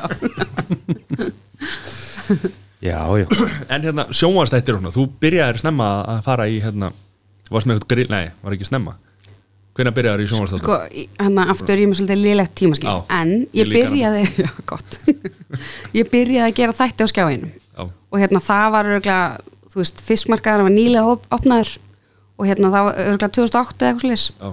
og hérna þá bara það var æði þú veist, og mjög gaman að gera það og þar svona lærði ég svolítið mikið þú veist, ég bara byrjaði þar ein og með tökumann og pródusent og við vorum bara að gera þetta og þá var þetta meira svona elda fyrir kameru og við gerðum alveg sjö serjur þar á skjáinum og hérna bara mér varst það ótrúlega gaman að gera þetta og hérna ég var með svolítið svona flóknara kannski heldur en aðrir voru með að því ég var einhvern veginn svona lærðu kokkur og Já. leiði einhvern veginn eins og ég þurfti að gera þetta svona aðeins meira þannig Mhm. og hérna svo ger ég hérna grill sem þú ert að tala um Já. grill, grill þættina en þá gerði ég sérst kokkabók fyrir hagköp sem heitir grill réttir hagköpa Já. og hérna í framaldi af því þá ger ég grill serjum og hún var sýnd á rúf Já. Ah. ég man eftir þeim þáttum já, ég kannast líka eitthvað við þess að þetta þannig að ég er nefnilega hér og hef hort á ógrín af svona matrislu þáttum -hmm. en það er einhvern veginn situr ekkit eftir Gleimist allt þú ættir að prófa svona tasty og svona þannig vídeo Já. stuttu vídeo, taste made, tasty Já. sem er alltaf á Facebook og alltaf þá getur bara eldað eftir því sko. á, Þú veist, það er svona, það er mjög sniðut nú kem ég á óvart maður Það komið nú óvart þegar við vorum að spjalla eitthvað tímanum daginn að þú varir að gera hérna carbonara heima já, frá grunni yeah. ekki frá, eða þú veist ekki, Nú. ég er ekki að búa til pasta sjálf sko. Nei, ok, Nei, já en, þú veist, ég hef ekki tími í það Nei. já, ég meina, ég eh, Þú ert með þetta sko Mm. þegar ég er með uppskrifti fyrir rámi ég er eins og hérna, við höfum ta- ég talaði um það áður hérna, þegar Óskar Finnsson kom hérna til okkar Já. þá hérna, hann ár síðan þá talaði um að ég væri meiri bakari heldur en, heldur en hérna, matræslumæður Já. því að ég þarf að vera bara með uppskrift sko. Einmitt. Mhm. það er ekki dassa þessu eða eitthvað ég bara veit, ekki, veit ekki hvað það þýðir sko. það eru tvær mannskjæðar, þá setjum ég bara tvær mannskjæðar en Já, ekki Á, en það er líka bara frábært, Já. þú veist, að gera það geta fyllt uppskrið, það er ekki allir sem geta það nei, það er easy sko. þannig að þess vegna er ég mikið að skoða hérna, Facebooki á þér og já, chili karteblur maður og... geggjað. Já. svo er ég líka með hérna hakk vikunar, hefur séð það nei, ég hugsaði svona, mér langaði að gera eitthvað svona sem væri fyrir alla Já. og hérna, ég hugsaði bara hvað hráefni er svona sem allir nota og er ekki óksla dýrt og bara er mjög aðgengilegt fyrir alla saman hverju þeir eru og ég byrja að gera svona Instagram stutt vídeo af hakk vikunar já og þú veist, þú getur nota hvað hakk sem er þú getur nota þú veist, vegan hakk eða nautahakk eða lamba eða kjúklinga eða hvað sem er og eh, svo er ég með svona stutt vídeo þar inni og það er búið að vera mjög vinsælt Ég ætla að skoða það maður Já. Þetta er einmitt, þú, veist, þú ferði bónus og það er einhvern veginn bara eða hvað veslu sem þú ferði í, hvað á að vera í matinn Já. það er einhvern veginn alltaf bara hakk Já. eða kjúlingur eða eitthvað, þú veist, en hakki verður oft fyrir valinu, þannig að hakk vikunar á vel við og allir er að gera bara kjötbólur eða þú veist, eitthvað svona voða basic en Já. þetta er svona aðeins meira og hérna m, bara mjög góða viðtökur en núna vantar mér sem ég veit sem ég þarf að fara að gera á næsta ári að ég þarf að reyna að gera heimasíða eða eitthvað leis ég er bara búin að vera með þetta á Instagram þetta er orðið svolítið svona út um allt þannig að ég ætla að reyna að það verður mitt svona taka þetta allt saman og já, þannig að það verður svona aðgengilegra það verður nýjárs heiti nákvæmlega en þú nefndir hérna vegan hvað hérna hvaða bóla er þetta? springur þetta? ég held ekki Já, ég, ég, þetta er bara, bara, ég, ég er komin hérna fyrir sögn Nei, hérna, já, nei, ég meina þetta er náttúrulega bara byrjaði náttúrulega fyrir einhverjum árum og fólk er bara meira og meira að spá í þetta Mhm. og margir byrjaðar að borða kannski sjaldnar kjött og sjaldnar fisk og svoleiðis Já. og sumir bara alveg vegan og eins og þetta er og það er rosa munur á veitingastöðum í dag sko hvernig pantanir eru eins og bara fyrir nokkrum árum þá var bara nýbáma fjóri tasting, nýbáma þoskur eitthvað, veit þið, þú veist, vera að Nei, ég lesa veit upp. ekki hvað þetta er. Nei, sko, Ný bomma. bomma er, Já, já. þú veist, þjóttin stimplar inn hvað fólk er að fara að borða Ok. svo kemur svona miði upp í eldhúsinu Já. og þá stendur kannski fjóri testing smakksæðlin Já. eða hérna hrefna og tempúra eftir því þoskur lamp þú veist. Ok. og þetta var bara lesið bara venjulega upp þú veist, fyrir nokkrum árum svo núna í dag er bara fjóri testing einn borðar ekki kjöt, einn með kvítlusónami og einn er með ánami fyrir kóriandir þú veist, kannski þrýr af fjórum eru með eitthvað svona fæðu já frábært óþól eða ofnæmi eða eitthvað og svo, já, s- þetta er nánast á hverju einustu pöntun í dag sko, sem er eitthvað annarkvort að fólk er í aðhaldi eða borðar ekki eitthvað, eða með ofnæmi eða óþól eða, já þannig að þetta er rosa breytt fyrir hérna eldús í dag, Þetta er miklu meiri vinna miklu meiri Já. Mhm. alveg, talsverð flækjustík já, mjög mikið þetta er eiginlega svona, fólk gerir sér ekki grein fyrir þessu að þetta er eiginlega á öllum borðum Já. þú veist, og hérna, og ekkert mál þetta er ekkert mál, ég er Nei, ekki, nei, ég er nei, ekki að kvarta nei, sko, nei, ég nei, bara- nei. Já, ég meina, já. En ég ég er bara fer að svona- segja að þetta er svo breytt, þetta er alveg ótrúlega sko. Ég kom með s- smá saminskupið Því ég alltaf er fæð mér hambúrgar Alltaf mínus tómat og lauk og svona Maður heldur alltaf að sé auðveldara sko að Setja Já, ekki já. tómat og lauk á sko, það er oft búið að bara búa til rétt og svo bara er hann svo leiðis og svo er svona að fara að taka eitthvað út Já. er bara smá mál sko en tómundur og laukur er ekkert mál sko Já, ok, það er ekki að hafa með samanskipti við því Já, maður tekur eftir því svona eila saman hvert maður fer að það er alltaf orðið, þú veist, 1, 2, 3 grammetisréttir í bóði Einmitt. nánast allir stöðum við erum komið með einmitt núna á grillmerkanum sex rétta svona vegan seðil Já. svona smakkseðil það er bara eftir, út af eftirspurn Já. þú veist Maður verður alltaf Þið verður að þróast í sam, samræmi við neytandan Já. Vá, þetta var spekingslega séð Spekingslega Ok, hvað er hérna grillþátturinn hann sló í gegn og svo hérna með grillbók að haka upp að hana Já. og svo hérna í skapastrið hvað er fjóra seríu núna ekki Einmitt. Það er bara örglega svona mest umtalaðasti sjónvarsáttur sem ég hef tekið þátt í. Já. Það er bara allir horfa á hann. Bara eldra fólk, börn, bara það var einn gæi sem labbaði upp að mér á laugin bara um daginn, svona allir út í tattum og hann var svona tár hérna fyrir neðan augað Já. og ég var alveg, hvað er hann að fara að segja við mig? Hvernig labbaði að mér og hann bara ég elska ískapastrið og ég var alveg, ha, er þú að horfa á- eða, þú veist, ég, ég þekki hann ekki, en hann var svona alls ekki típan sem ég myndi halda Væri að hann var að- að horfa á ískapastrið, þú veist Já. og Þetta er nefnilega bara, virkilega skemmtilega þáttur já, hann er búin að slaga í gegn sko. Tár fyrir neðan auga, var það ekki alltaf í mafíunni ef þú er búin að drepa eitthvað, þá fyrir eitt tár fyrir hvert sem við drepið það hann, ég held hann sem búin að drepa Það er svolítið Þess vegna var hann bara, hvað er hann að fara að segja við mig? Þú vil elska þessi ískapastrið komir í gegnum hérna afplón Nei, ok og þar ert að vinna með æsku ædólinu innan gæsalappa með sig að hallið ekki jú, algjörlega, við erum dómarar þetta er náttúrulega bara stildar setta mm Mhm. -hmm. Eva Laufey og Gummi Ben alveg frábær, þau ná- eru með rosa svona Gott kemistri, chemistry, já. já, alveg bara frábært og alltaf nýr þáttur af því að þetta eru nýja gestir Mhm. bara þátturinn er bara eins og gestirnir eru eiginlega og hallar ekkit ofta á greiði gumma því að Eva er svona klári í eldhúsinu sko Gummi frá fyrsta þætti hann kunni e- bara eiginlega ekkert hann var bara, við vorum bara hvernig ætlar hann að elda þetta verður bara skrítið, en þú veist hann er búin að læra svo mikið mm -hmm. að þróa hérna, einhverja súkula sem hann geti fyrir að selja bara út í búð Er hún eins góð eins og já, þetta er náttúrulega bara rjómi og nammi Já, það er náttúrulega geggja þetta er bara Getur ekki klika sko getur ekki En hvernig er að vera komin hann í dómarasæti og vera að dæma eitthvað Sko ég var, hérna, ég var til dæmis í landsliðinu, Mhm. í kokkalandsliðinu 10 ár og ég er með, tók svona dómarréttindi þannig að ég hérna, hef dæmt svona nemakeppnir og alls konar þannig að, eh, þú veist, ég kann smá svona þú veist, það er náttúrulega kannski annað en að dæma gumma ben, sko, Já. en hérna, það er mjög gaman að vera að pæla í þessu og, þú veist, ég segi náttúrulega þú veist, þetta er öðruvísi að vera að dæma svona ég myndi all, alltaf vera harðari við Já, kokka já. og, þú veist, þannig hérna, Það er ekki menta fólk hann Þetta er skemmti þáttur náttúrulega nákvæmlega og þau fá náttúrulega ef þau gera eitthvað svona fá fá pluss fyrir effort Mhm. þú veist, að þau gera eitthvað svona aðeins út fyrir kassan og það, þú veist, þau koma mér ofta óvart það er bara, er bara þannig Ég er aldrei Bara verið mjög- smeyka að borða kjúklingarna sem gummi er að elda Nei. Bara óeldaðar einhvern veginn og Þetta verið Þetta verið Nei, reddast Ég meina, þú veist, við höfum bara svona skorið í kringum Sjóvarpi sko Já, En hérna, en svo voru þið já, Fóruð sjálf að keppa Hva- að- já. Var það ekki gaman? Það var núna í í fjórðu serju og þá kom hugmyndin bara að við myndum keppa Mhm. og ég var bara, já, það verður gekkja og það, var, það komið svolítið á óvart, þú veist, þetta var rosa stöttu tími Já. og ég hugsaði bara, ég ætla bara að vera ógisla snögg bara dreifum á fullu, sko þannig, jú, það var, það var gekkja að taka þátt líka vera Mhm. Siggi hinum var megin. svo rólegur maður Djúvillar að hafa geggja sko ég var alveg, hefur hann ekki hort á þáttinn því hann var eiginlega ofrálegur í byrjun Það var alveg sultu slæmi sko Er hann ekkert um að stressaður það? Ég þekki hann ekki Nei, Nei. Nei. mér finnst hann alltaf virka rosalega rólegur eitthvað Ah. Siggi, er, hann er frábær maður, hann er mjög góð maður og bara góð við vinn sinna og góð við alla, bara veitur öllum svona aðtegli og þú veist, hann er bara mjög góð maður. Já. Mhm. Hann hann bara hann Sérst sko Já. En á ekki að fara að hendi í einhvern svona rauðvinstátti eins og hann gerði, ja. finnst það að vera ædolið þegar hann... Hvað var það? En, en hann, Það fór til Fraklands Já. á Ítali og eitthvað, bara það var, það var eins og sögursögnir hann að vera svona... Æ, þá var ég úlingur, ég var ekki að horfa á það. Já, já, Eða hvað? já. Það var mjög sniður. Já. En hvað hérna, og aðri sjónastættir, nú dansaður þegar þú varst lítil, Já.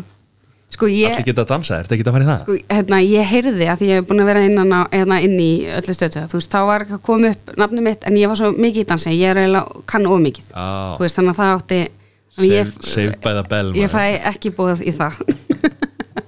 Hefur þetta ekki þátt í? ég, ég he- veit það ekki þú veist, mér fannst ógislega gaman að dansa og ég var, þú veist, þetta var bara mitt svona líf þá Mhm. og hérna mér langar alveg að dansa, mér finnst það alveg gaman en hérna, ég hefði þurft að hugsa það rosa vel þetta er líka svolítið svona þú veist, maður þarf að hugsa það vel, ég meina, vill maður þetta er svolítið svona nýðurlæng, eða smá, vitið Já, þið já. þú er svolítið svona vulnerable eða hvernig sem er það í íslensku Já, hérna- berskjaldaður, Já, berskjaldaður, já. já. þannig að þú veist, að, þetta er mi- þú veist, mikill hetjuskapur að taka þátt í þessu alveg Þetta er klálega alveg sko. bara, Mhm. maður átt að segja ekki einu, svo er þetta fólk einhvern veginn þannig að það er svo gott þegar mætir já búið að æfa sér, ég meina fólk er að æfa sér bara 6-8 tíma á dag sko. Já, og þú veist, sérstaklega þessi svona sem eru lélegri, þeir detta fyrst út Já. þú veist, svo hérna bara eins og þeir sem eru að keppa núna, bara ótrúlega flott þú veist, eins og Manuela og Mhm. Já. Hafjaf og hann hérna Veigar já, Veigar viðst hann, já, viðst hann geggjæður Páll. svo er hann náttúrulega hann að Jón Viðar þarna, já, viðst hann Jölnir geggjæður, þarna, já, þessi, Mhm. þessi fjögur ég held að þau verði síðustu börin já, Ég sá Dans einhverja hrefna. fyrirsögn í morgun að einhver væri búin að missa nýju kíló síðan að byrja þessu Ég Já. já. veit ekki hver það er samt en við gerum þetta næstu oktober Já, ég held að Sópir oktober þá förum við hérna, Já. við varum í keppni í oktober að missa kíló, sko. já, það, og hvernig gegg bara mjög vel Já, já, ekki svona, já, já Já. ég misti 14,5 kíló Vá, wow, Það er heldur vel. geggjæður þetta snýst ekki um mig hérna og eru þú komin aftur í það? Nei. herðu, voðalert að dæma hérna maður.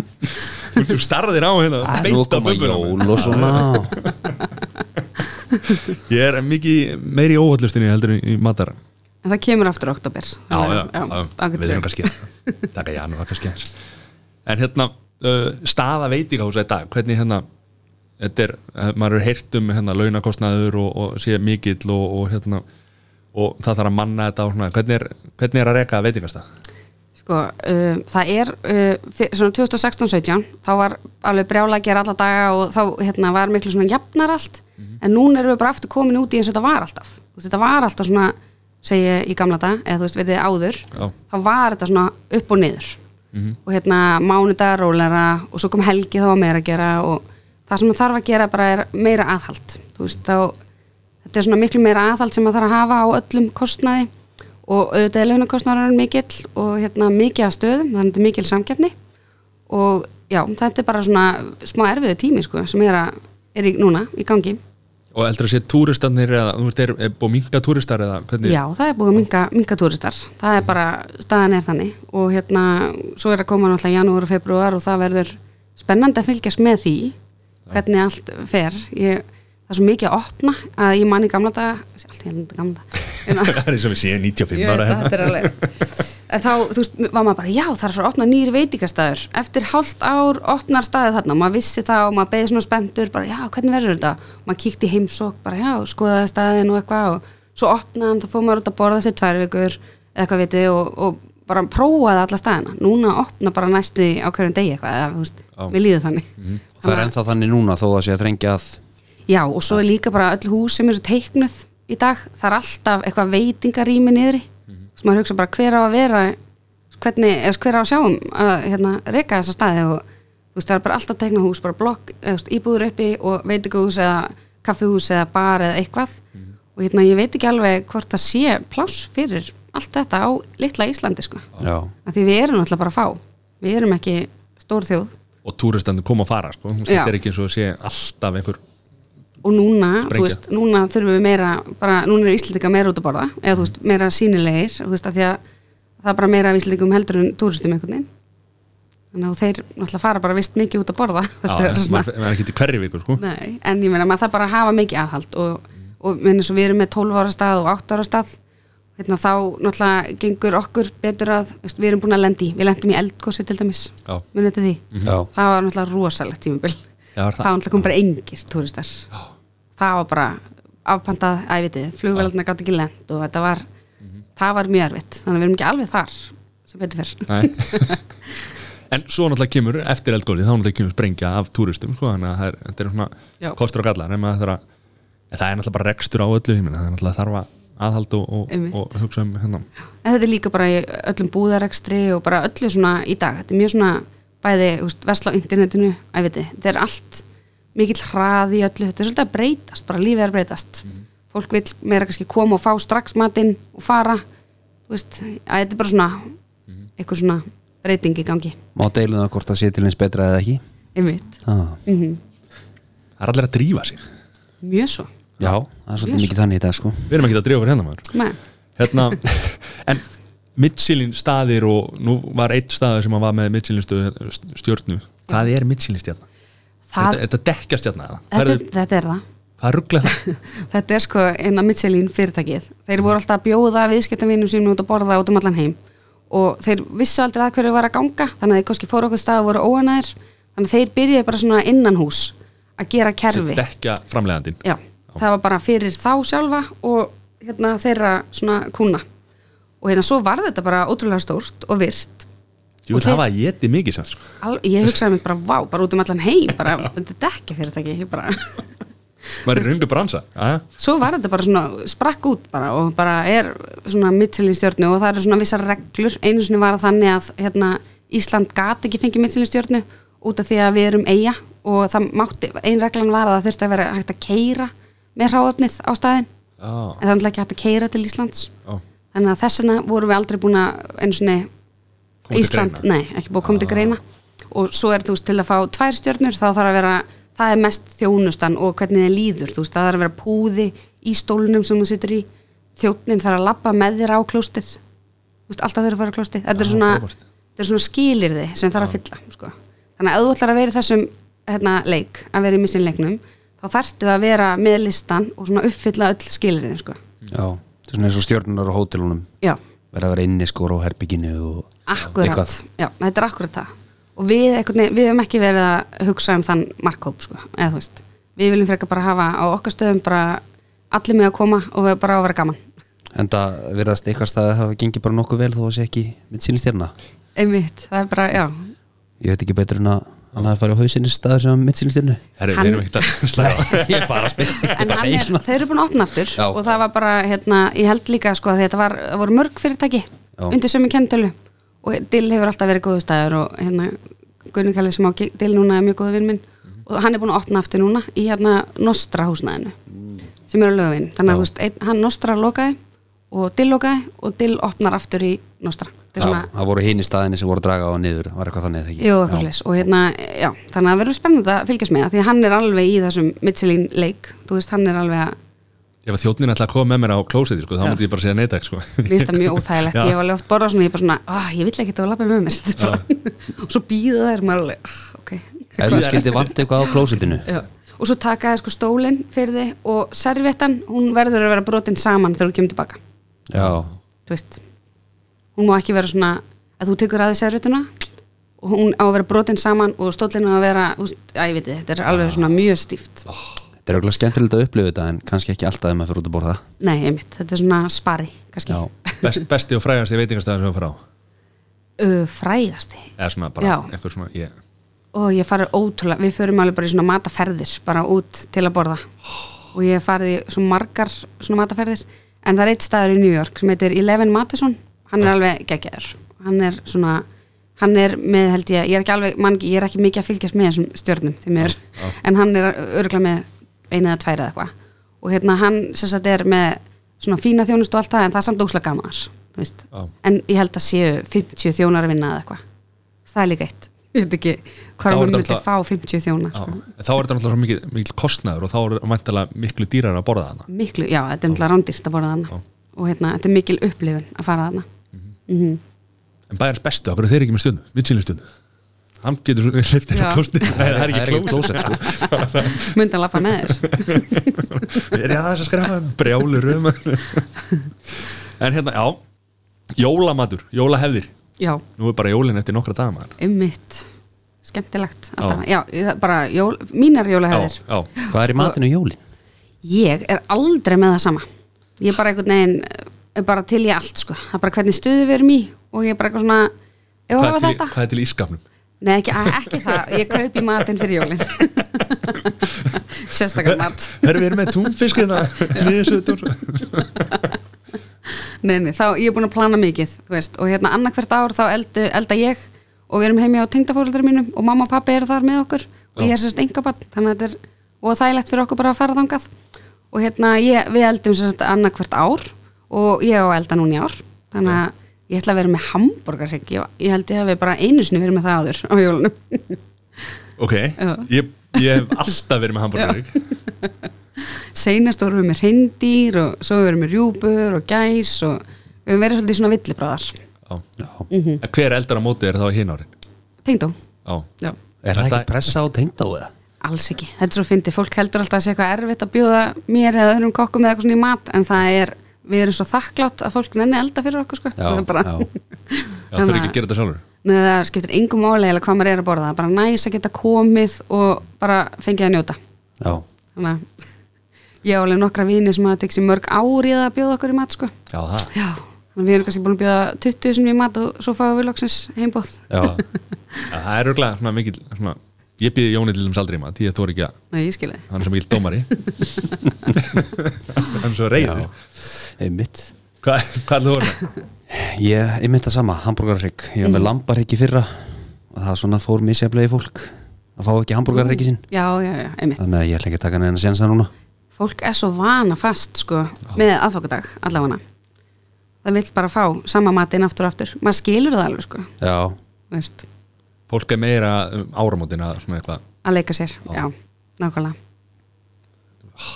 og ég getur alltaf hennar hambúrgarrygg og svo er maður alltaf útblásin af þessu er það ekki bara, ég meina, það snýst um hvað að borða á milli sko nýjás og jóla ekki á milli jól og nýjás sko. Já, meina en svo er ég með mjög skemmtilega hefð við hérna, erum, hérna með bóð á annan jólum þar sem ég gerir svona kalkunarsamlokur hérna, já, það er svona mín ég verða að gera þetta sko það er að því í gamla daga þá hérna vorum við með kalkun kannski í matinn og daginn eftir þá var pabbi alltaf búin að kaupa majónes og æsberg og bara hvítbrauð og svo skárum við kalkunin afgangi niður og borðum þessar samlokur og mér fannst þetta alltaf besta við jólin bara að fá þessa köldu kalkunu samloku einhvern veginn þannig að við ákveðum að taka þessa hefð upp og þetta er tíunda árið í röð sem við erum að bjóða bara öllum vinum okkar Þetta er, við vorum að tella í gerð, þetta eru með börnum er þetta 109 manns nei, já Jú, en það kom ekki allir en Já, þetta er, já. þú veist, þetta er frá tvöum daginn fram á kvöld þannig að sömur koma bara millir 2 og 3 svo 3 og 4, ef við Já. þetta Mhm. dreifist og þetta er ekkert mál og hérna, ég ætla búin að gera þetta eða svona, ég veist ekkert mál að elda fyrir svona marga Nei. en hérna, þetta er alveg svona eitthvað sem ég ger alltaf Það er vantilega eitthvað búið að þróa þessa samlóku frá majónesi, æsberg og kalkún já, ég er alveg sko búin að ég bara byrjaði á því að elda kalkun með fullt af smjör Eða, þú veist, ég elda bara bringur til að eða ekki, vitið, þið, svo sker ég bara bringurna niður og hérna fyrst var ég að elda þær í fullt af smjöri svo byrjaði ég að elda þær í soði svo hérna núna er ég með pækilin Já, og þá setja þér í pækil og það þú er verður bara, að útskýra, þú verður að útskýra sko. Pæ, Já. hvað er það? þá setur maður sko kalkun að bringu, maður getur gert með bara líka kjúklinga eða ykkur og maður getur sett líka heilan kalkun og þá setur maður í svona salt og sigur blöndu og setur það yfir nótt í þannig það er svona pækill og þá sko drekkur hérna kalkunin í sig sigurinn og ég set mandarínur og negulnagla og greni og fleira svona sem ég langar að setja og þá drekkur hann í sig bræðið og líka sigurinn þannig að svo set ég þetta bara inn í opn í, þetta tekur bara kannski 25 mínútur svona bringa og, og setja hann á háan hita og þá karamellast sigurinn, þú veist, utanum bringuna og allur safin er inni þú veist, að því ég var búin að vera að kaupa bara mörg kíló og smjöri eitthvað til að reyna að láta þetta vera juicy en það skilaði sér bara ekkert, það bara var alltaf í bakkan þannig að þessi pækill er bara eina vitið fyrir mér í dag það er málið Mhm. ég hef alltaf verið að klikka á þessum pækil sko. Eh, Gestafjöldi var að breytast úr 109, 111 já, við erum farin að mæta sko. hvert ég nei, já. og hérna, já, þannig að þú eldar þetta svo Já. og svo bara skerði niður og já, svo ger ég fyllingu þú veist, þá ég ger hann bara í potti þú veist, og það er eitthvað svona sveppir og gráðastur og fleira sem að laukur og fleira gott sko og hérna, svo er bara æsberg og svo kaup ég, svo hef ég verið að leika með leika með brauðið og hérna ég hef verið með súrdegsbrauð svona undanfæri tvö ár gerur það sjálf eða, bakar það sjálf Nei, ég gerði það ekki, þetta er svo Bak- mikið brauð já, já, þetta er svo mikið af fólki, ég veit ekki þú eru að kaupa væri meira það núna fyrir Já, við erum farin að mæta sko. Nei, ég væri bara eitthvað allan aðfokadag að baka brauð Já, og jóladag já, að baka brauð, ég veit ekki, þú veist, mér langar að njóta jólana Já, þannig að Það ég er að það En svo þarf ég líka að gera því við hefum marga veganvinni núna og hérna, þannig ég hef gert svona, í fyrra gerði ég sko seitan sem er sko glútin, veit ekki hvað það er? Nei. Það er svona duft sem er glútin sko og hérna, svo getur maður að blanda því með einhverjum linsubönum og einhverjum svona græmitisóði og kryddjurtum og fleira og nóða það saman og þá verður það bara svona eins og kjött. Það er magnað, þetta er svona það sem græmitisætur borða.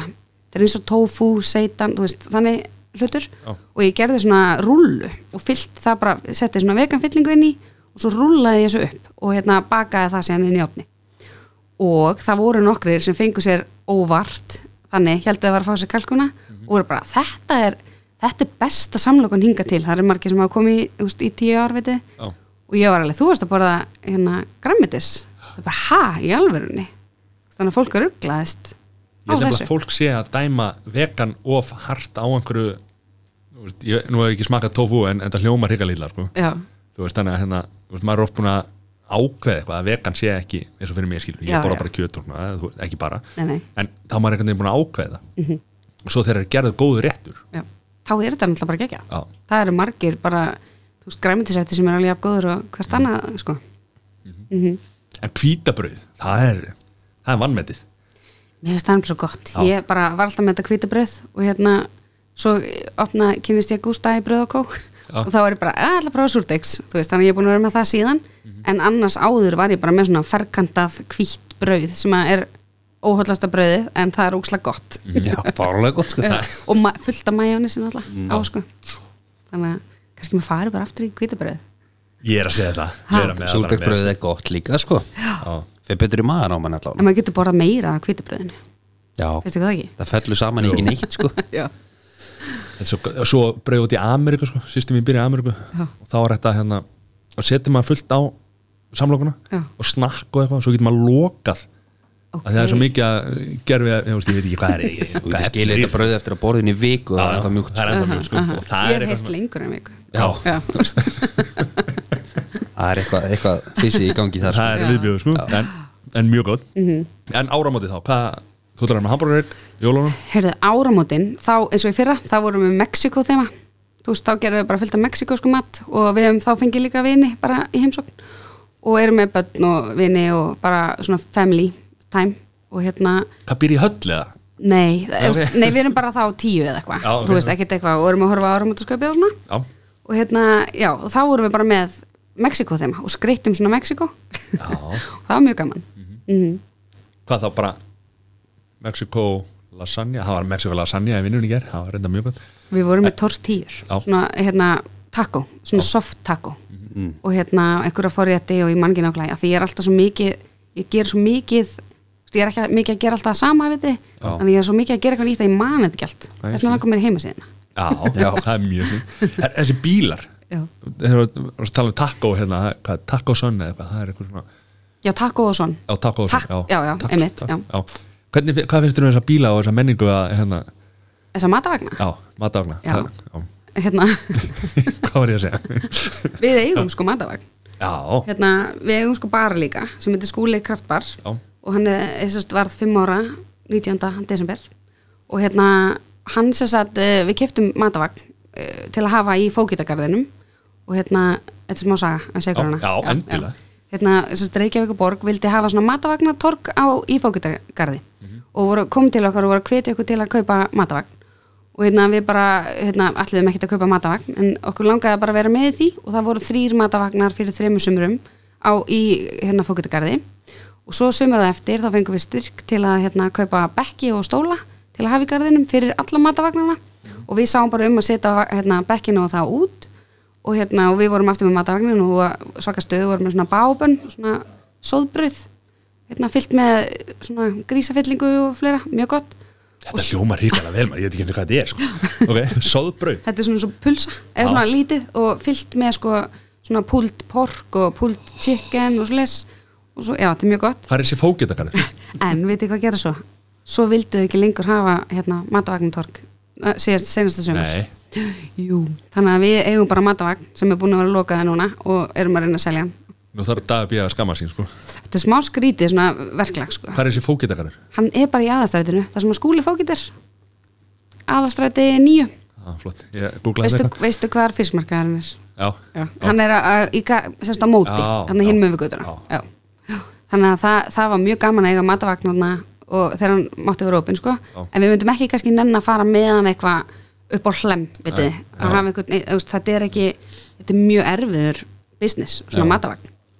Þannig að maður öfundar engan sem er í því sko. Ég er að elska þetta sko. Ég fór hérna, einhverja sýningu það var einhver hérna, svona pop-up verslunar sýningu eitthvað á hérna, í Já. Víkingsheimilinu þar voru bara tveir vagnar fyrir utan Gekja. Þú veist, Þetta er svona, ég elska þetta sko. Já, þetta er mjög gaman um þetta þegar þeir eru bara geta komið eitthvað og svona, en þetta er svolítið erfitt á Íslandi. Já. Þú veist að það er vond Þannig að vera dýrt líka eða þú veist, e- ekki ódýrt allan En þetta þarf eiginlega að vera ódýrt til að fólk nenni að kaupa þetta samt líka Já, Af því þú en veist, fólk þarf tímir samt að ekki. vera dýrt að því að þetta er Já, þetta- ég er samanlega þessu, Já. þetta, þetta, þetta verður að vera ódýrt en Já. þarf að vera dýrt já, þetta er ótrúlega erfiður business, þessi matavagna Mhm. Já, þannig að, en svo líka bara eins og það er mjög kalt þú veist, og þú verður einhvern veginn að hafa alltaf opið en það er bara að þú stendur það inn í einhverjum vagn og það er bara ískalt þú veist, þannig að þetta er meira þú veist, eins og ég fór í hérna LA fóru á svona matavagnatorg, það var alveg geggjað þú veist, þá eru bara tíu vagnar og svona sæti í miðunni og bara geggjustemming og alltaf sól og Mhm. hitti og eitthvað Já. það var mjög gaman það er smá, það er öllítið öðru sig Já, en þetta er svolítið erfitt á Íslandi sko. þannig að, en ég meina þetta virkar í New York og svona, sem að er kall líka já, já, Þú veist, nákvæmlega þannig að- og þar eru menn að- fólki en það er meira Já, ég fólk, er að segja þetta það. er, Mhm. við erum alltaf að díla við þetta fólk, sko. Já. þannig að fólksfjöldan minni, ég lappa fram í einu svona vagni sem er mjög vinsallana þá var, voru tveir vagnar Já. Mm. Þeir rukkuðu bara á fyrir vagninum og þá var góð svo eitthvað og svo var, hérna, þetta var eitthvað svona takkvastæður Mhm. og röðin var bara, þetta var bara lengsta röð sem ég sé sko, já, þá er þetta verið gott já, Já. og þá var hérna, þá var röglega bara röglega, þú veist, ég veit ekki hvað mikið hakki og, og, og kjúklingana Mhm. -hmm.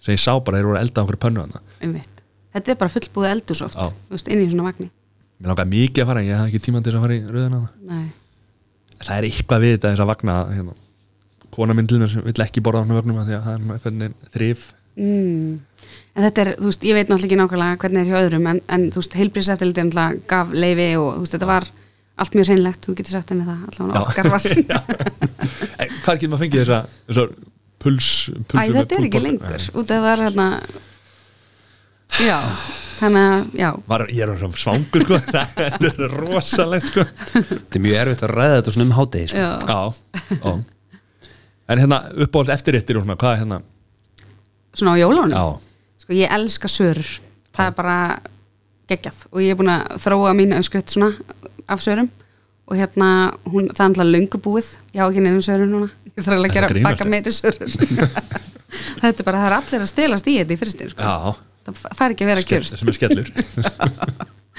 en já, mér stæði og svo bara með deserta þá ger ég mitt líka mjög mismunandi þú veist, og hérna en það er alltaf einhver ís sem tengd á gerir Mm. sem mamma hans gerði alltaf þú veist, og það er á aðfakadag hjá okkur Sem að þú þessi ert ekki ís. ánægð með það? Jú, en þú veist, hann er Tjaka. jú, jú, jú, auðvitað. en hann er náttúrulega bara svona retro gamall ís, vitið, með svona ísnálum í og hann verður að vera þannig Já. og þetta er ekki svona rjó, eða vitið, Mhm. þetta er ekki svona ný, nýr ís einhver, þannig að það er bara aðfakadag og svo er ég með bara oft eins og gamlost, það er svolítið erfitt að vera með eftirreiti þá, af því ég verða að fá snakk með, þú veist, ármöðsköpinu já, eða ekki, jú þannig að þú veist Jó, það er alveg já. möst sko þannig að þá erum við bara kannski með snakk og nammi eða eitthvað, konfekt eða eitthvað Ég held að með nóg á kroppana geggjað og ég segja geggjað eitt, Já. nóakropp það er hérna, í- þegar ég var lítil og ég gera sundum líka en þá, að setja nóakropp í skál og hella mjólk út á og borða það eins og kókupöfs Já. á jólunum, bara á jólunum það er geggjað það er svona jóla morgumaturinn Þetta hef ég aldrei prófað Hérna erum við að tala um alvöru, sko, hún er, hún er dómari í ískapastrið og Já. hún þekkir þetta, sko Pipan og okkur sko, það er einhver mest að sprengja sem það að er hægt að prófa það eða hvað, er það skrítið með mjólk það gæti verið mjög skrítið mjög, sko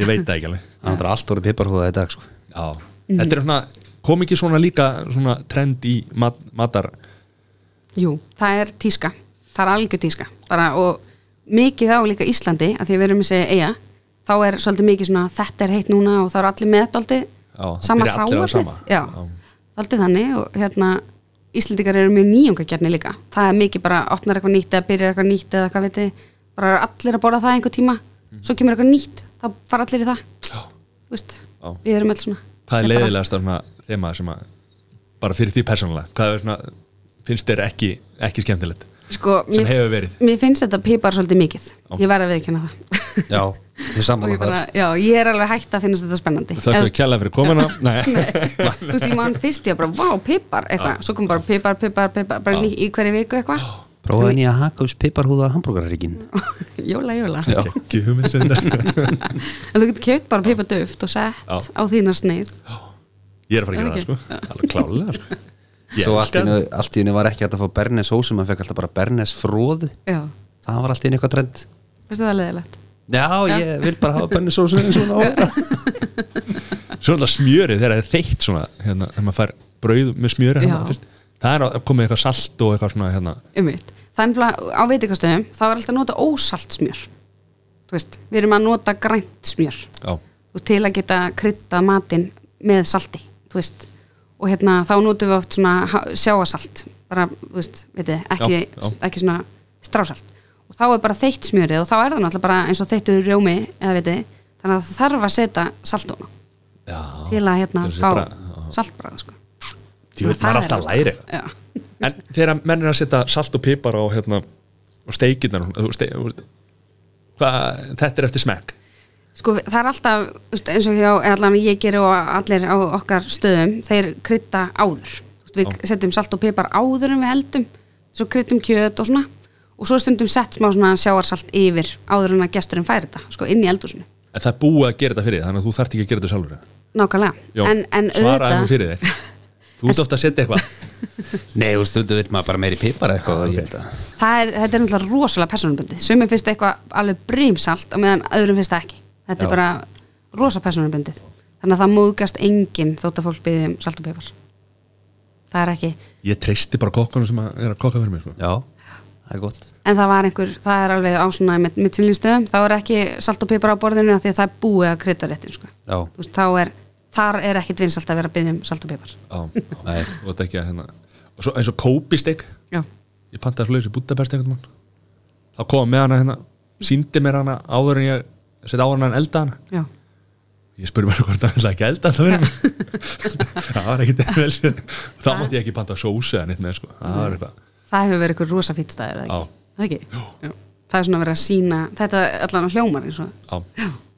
Nei, Ég kunni ekki að meta það einhvern veginn Ég- Það er nú bara eins og ég er Ég, ég fór einu svona á Peter Luger þarna í Brooklyn, Já. steakhouse og það var einu í hópnum sem spurði hvort það geti fengið sveppa sósum í steikinni Mhm. þeir eru bara með eina sós sem heitir steak sós sem er svona side sósa og þjóðni sagði henni bara að vera ítalsku staður aðeins og var í göttinni og hún vildi fá sveppa sósu okay. geti bara farið þangað en það er líka eitt sem við Íslandingar erum með að við erum, við erum alltaf mikil sósu þjóð það er ekkit út í heimi svona mikil sósa Nei, þú veist, það er bara kjöt og ólíuolja eða einhver einn svona brún sósa eitthvað A1 hann eitthvað steikar, steikar sósa á öllum í bandaríkjum Já, og svo bara smjör með fisk og eitthvað smjör sósa eða eitthvað, þetta er ekki svona ég gerði það nánast alltaf eða frá steikasta og pantaði bernisósuna já, og þær eru aldrei góðar ég held ég að við einu sinni fengið góða bernisósu erlendis svona með að við þessa íslensku sko. einmitt, já þannig að það er ekki svona sama menningin sko. Er þetta því við erum vön íslensku berninsósunni eða erum bara miklu betri hérna? sko, við erum alltaf með geggjað smjör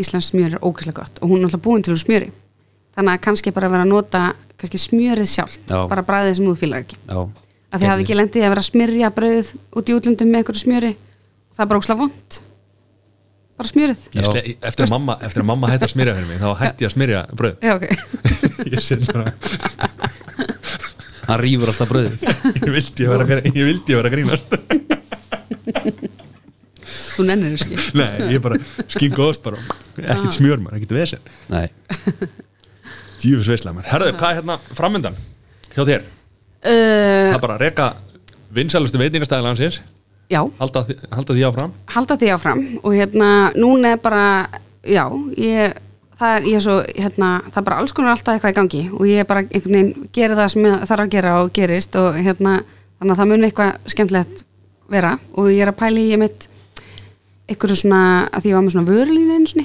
ég var að pæli eitthvað að fara að skoða að gera það aftur, mun eftir því Já, svona já, sósur sósur og- og, já. og hérna það, ég náði ekki að halda nógu vel utanum það og, og hérna framleiðslan einhvern veginn var aldrei nógu ör til að hérna vera, en mér langar svolítið að skoða það að fara að kíkja okkar þannig sko. þú varst með eitthvað chili sósum minni með ekki Jú, ég var með chili bernes Já, svo var barbecue anis sósa og yuzu jalapeno og chili mayones, það var Já. þessa fjórar á chili mayo held ég með stóna alveg ríkalega góð Já, það er nefnilega að ég fæ svo mikið af fyrirspurnum að fólk er bara hvar fæ ég sósunar ennþá sko, það er alveg svolítið síðanda hætti og hérna fólk er að spyrja bara hvar fæ ég þetta og þannig ég hugsa svona, vá, það er alveg eftir spurn og ég sjálf kefti þetta líka alltaf sjálf þannig að mér langar rosalega að geta að fara út í búð og keft þessa sem sósunar, fyrir að gera þetta sjálf já, svolítið þægilegt bara, en, en ein svona loka spurning það er alltaf verið að flækja sko, eins og með bjóra Já. það er alltaf verið að fólk er að brugga sín einn bjór og gera eitthvað, það er alltaf verið að flækja allt og gera allt svona, af því ég er vinið mínir kalla mig oft Matti Basic sko, í, í matargerð eða mat og svona Mhm. mm er ekki stundu verið að gera allt og mikið og mörg bröð og mi- skilur hvað við Jú, þetta er svo, ég, ég skil alveg hvað það minnar og þetta er eins og varst að tala um tískuna Já. þú veist það er búið að vera í tísku að vera með fróður og eitthvað hérna, mauk og snjó og duft og alls konar eins og það við séð á veitingastöðum Mhm. en núna er, finnst mér dálítið svona eftirspurnin vera meira basic þannig að þetta er þinn tími sem er að koma takk, Matti Basic. takk, takk en þú veist, Þannig það var maður er að fara kannski eins og hérna á gólvelli eða eitthvað, og langar bara í hambúrgar eftir gólringin Já. það er alltaf, það er alltaf að vera eitthvað svona, með þessum sveppum og þessu þessum auki og, og jari, jari, já þú veist, alltaf að bjóða líka en bara, stundu vill mann bara fá okkar basic sko. ég er alveg samanlegar sko, að því að mér finnst svo mikið vera að gera sama út um allt Já. þú veist, það er á Íslandi það vantar svolítið svona meiri flóru þú veist, þú getur basically lappa allstarinn og fengið eitthvað svona rétt með þessu og þessu og þessu, Mhm. þú veist, það er svo mikið svona svipað, en þú veist, það vantar einmitt þetta, að geta bara fengið basic hérna Já. og veist að hverju gengur þú veist, þetta má alveg, þú veist, og ég held að það sé svolítið að gerast, að þetta er núna að verða svona sérhafðara fólk er að fatta þetta, að það er ekki hægt bara að opna eitthvað og hafa samúhinnir Já. minn tími mun koma Já. hérna 2020 já, það er það sem ég held sko Já. og ég vona það líka því að mér er svo gaman að fara út að borða og geta fengið alls konar ekki bara lappa inn á einhvern stað og Ég er sammála því, bara það er alltaf sami elta. réttur já, en það er náttúrulega kannski út af smæð markaðins að við verðum að ef eitthvað virkar einhver starf annars stað, þá þarf að gera hérna til þess að en það er líka bara, þú veist eins og við opnum grillmarkaðin þá vorum við með hambúrgara, það var engin fýtt veitingastæði með hambúrgara, en núna er allir með hambúrgara Já. þú veist, þetta er bara þannig og meir þess að sömur, hérna, það var einn maður sem ringdi mig bara, heyrðu, mér er svo flottir matselarnir á grillmarkanum, hvar kiftu þarna klemmurnar? Mér langar að gera eins og ég sagði, mér langar ekki að þú gerir eins ég ætla ekki að segja þér það, skilur ég þannig að sumum, bara sumir hafa ekki svona meira hugmyndaflug, sko maður sér þetta á nokkru stöðu núna sko. Já, einmitt, þetta er ótrúlega leðilegt þú veist, að fólk bara hafi ekki meira hugmyndaflug það er bara þannig það er bara eins og það er Já. maður Jú, sís, enda á þessum, þetta var eitthvað besta spurning já, ha, Loka spurningin þarna fekk ég að tróða sko, sokk upp í vinnu mína allavega Já, Að- Já, já. að basic er komið já, það er bara Mhm. Svo þú segir, það er bara þinn tími er að koma hrefna, takk kella fyrir spjallið Takk hérlega fyrir mig, gaman virkilega að koma gaman, til að- ykkar virkilega gaman að hafa þig og við sjáumst bara hann að hvenær var þetta Þetta hvenær fáum við er annan í- þetta samloku? annan í Annan í jólum. jólum, annan í jólum. Já. takk kella Algjörlega, takk hérlega fyrir Já, mig Bless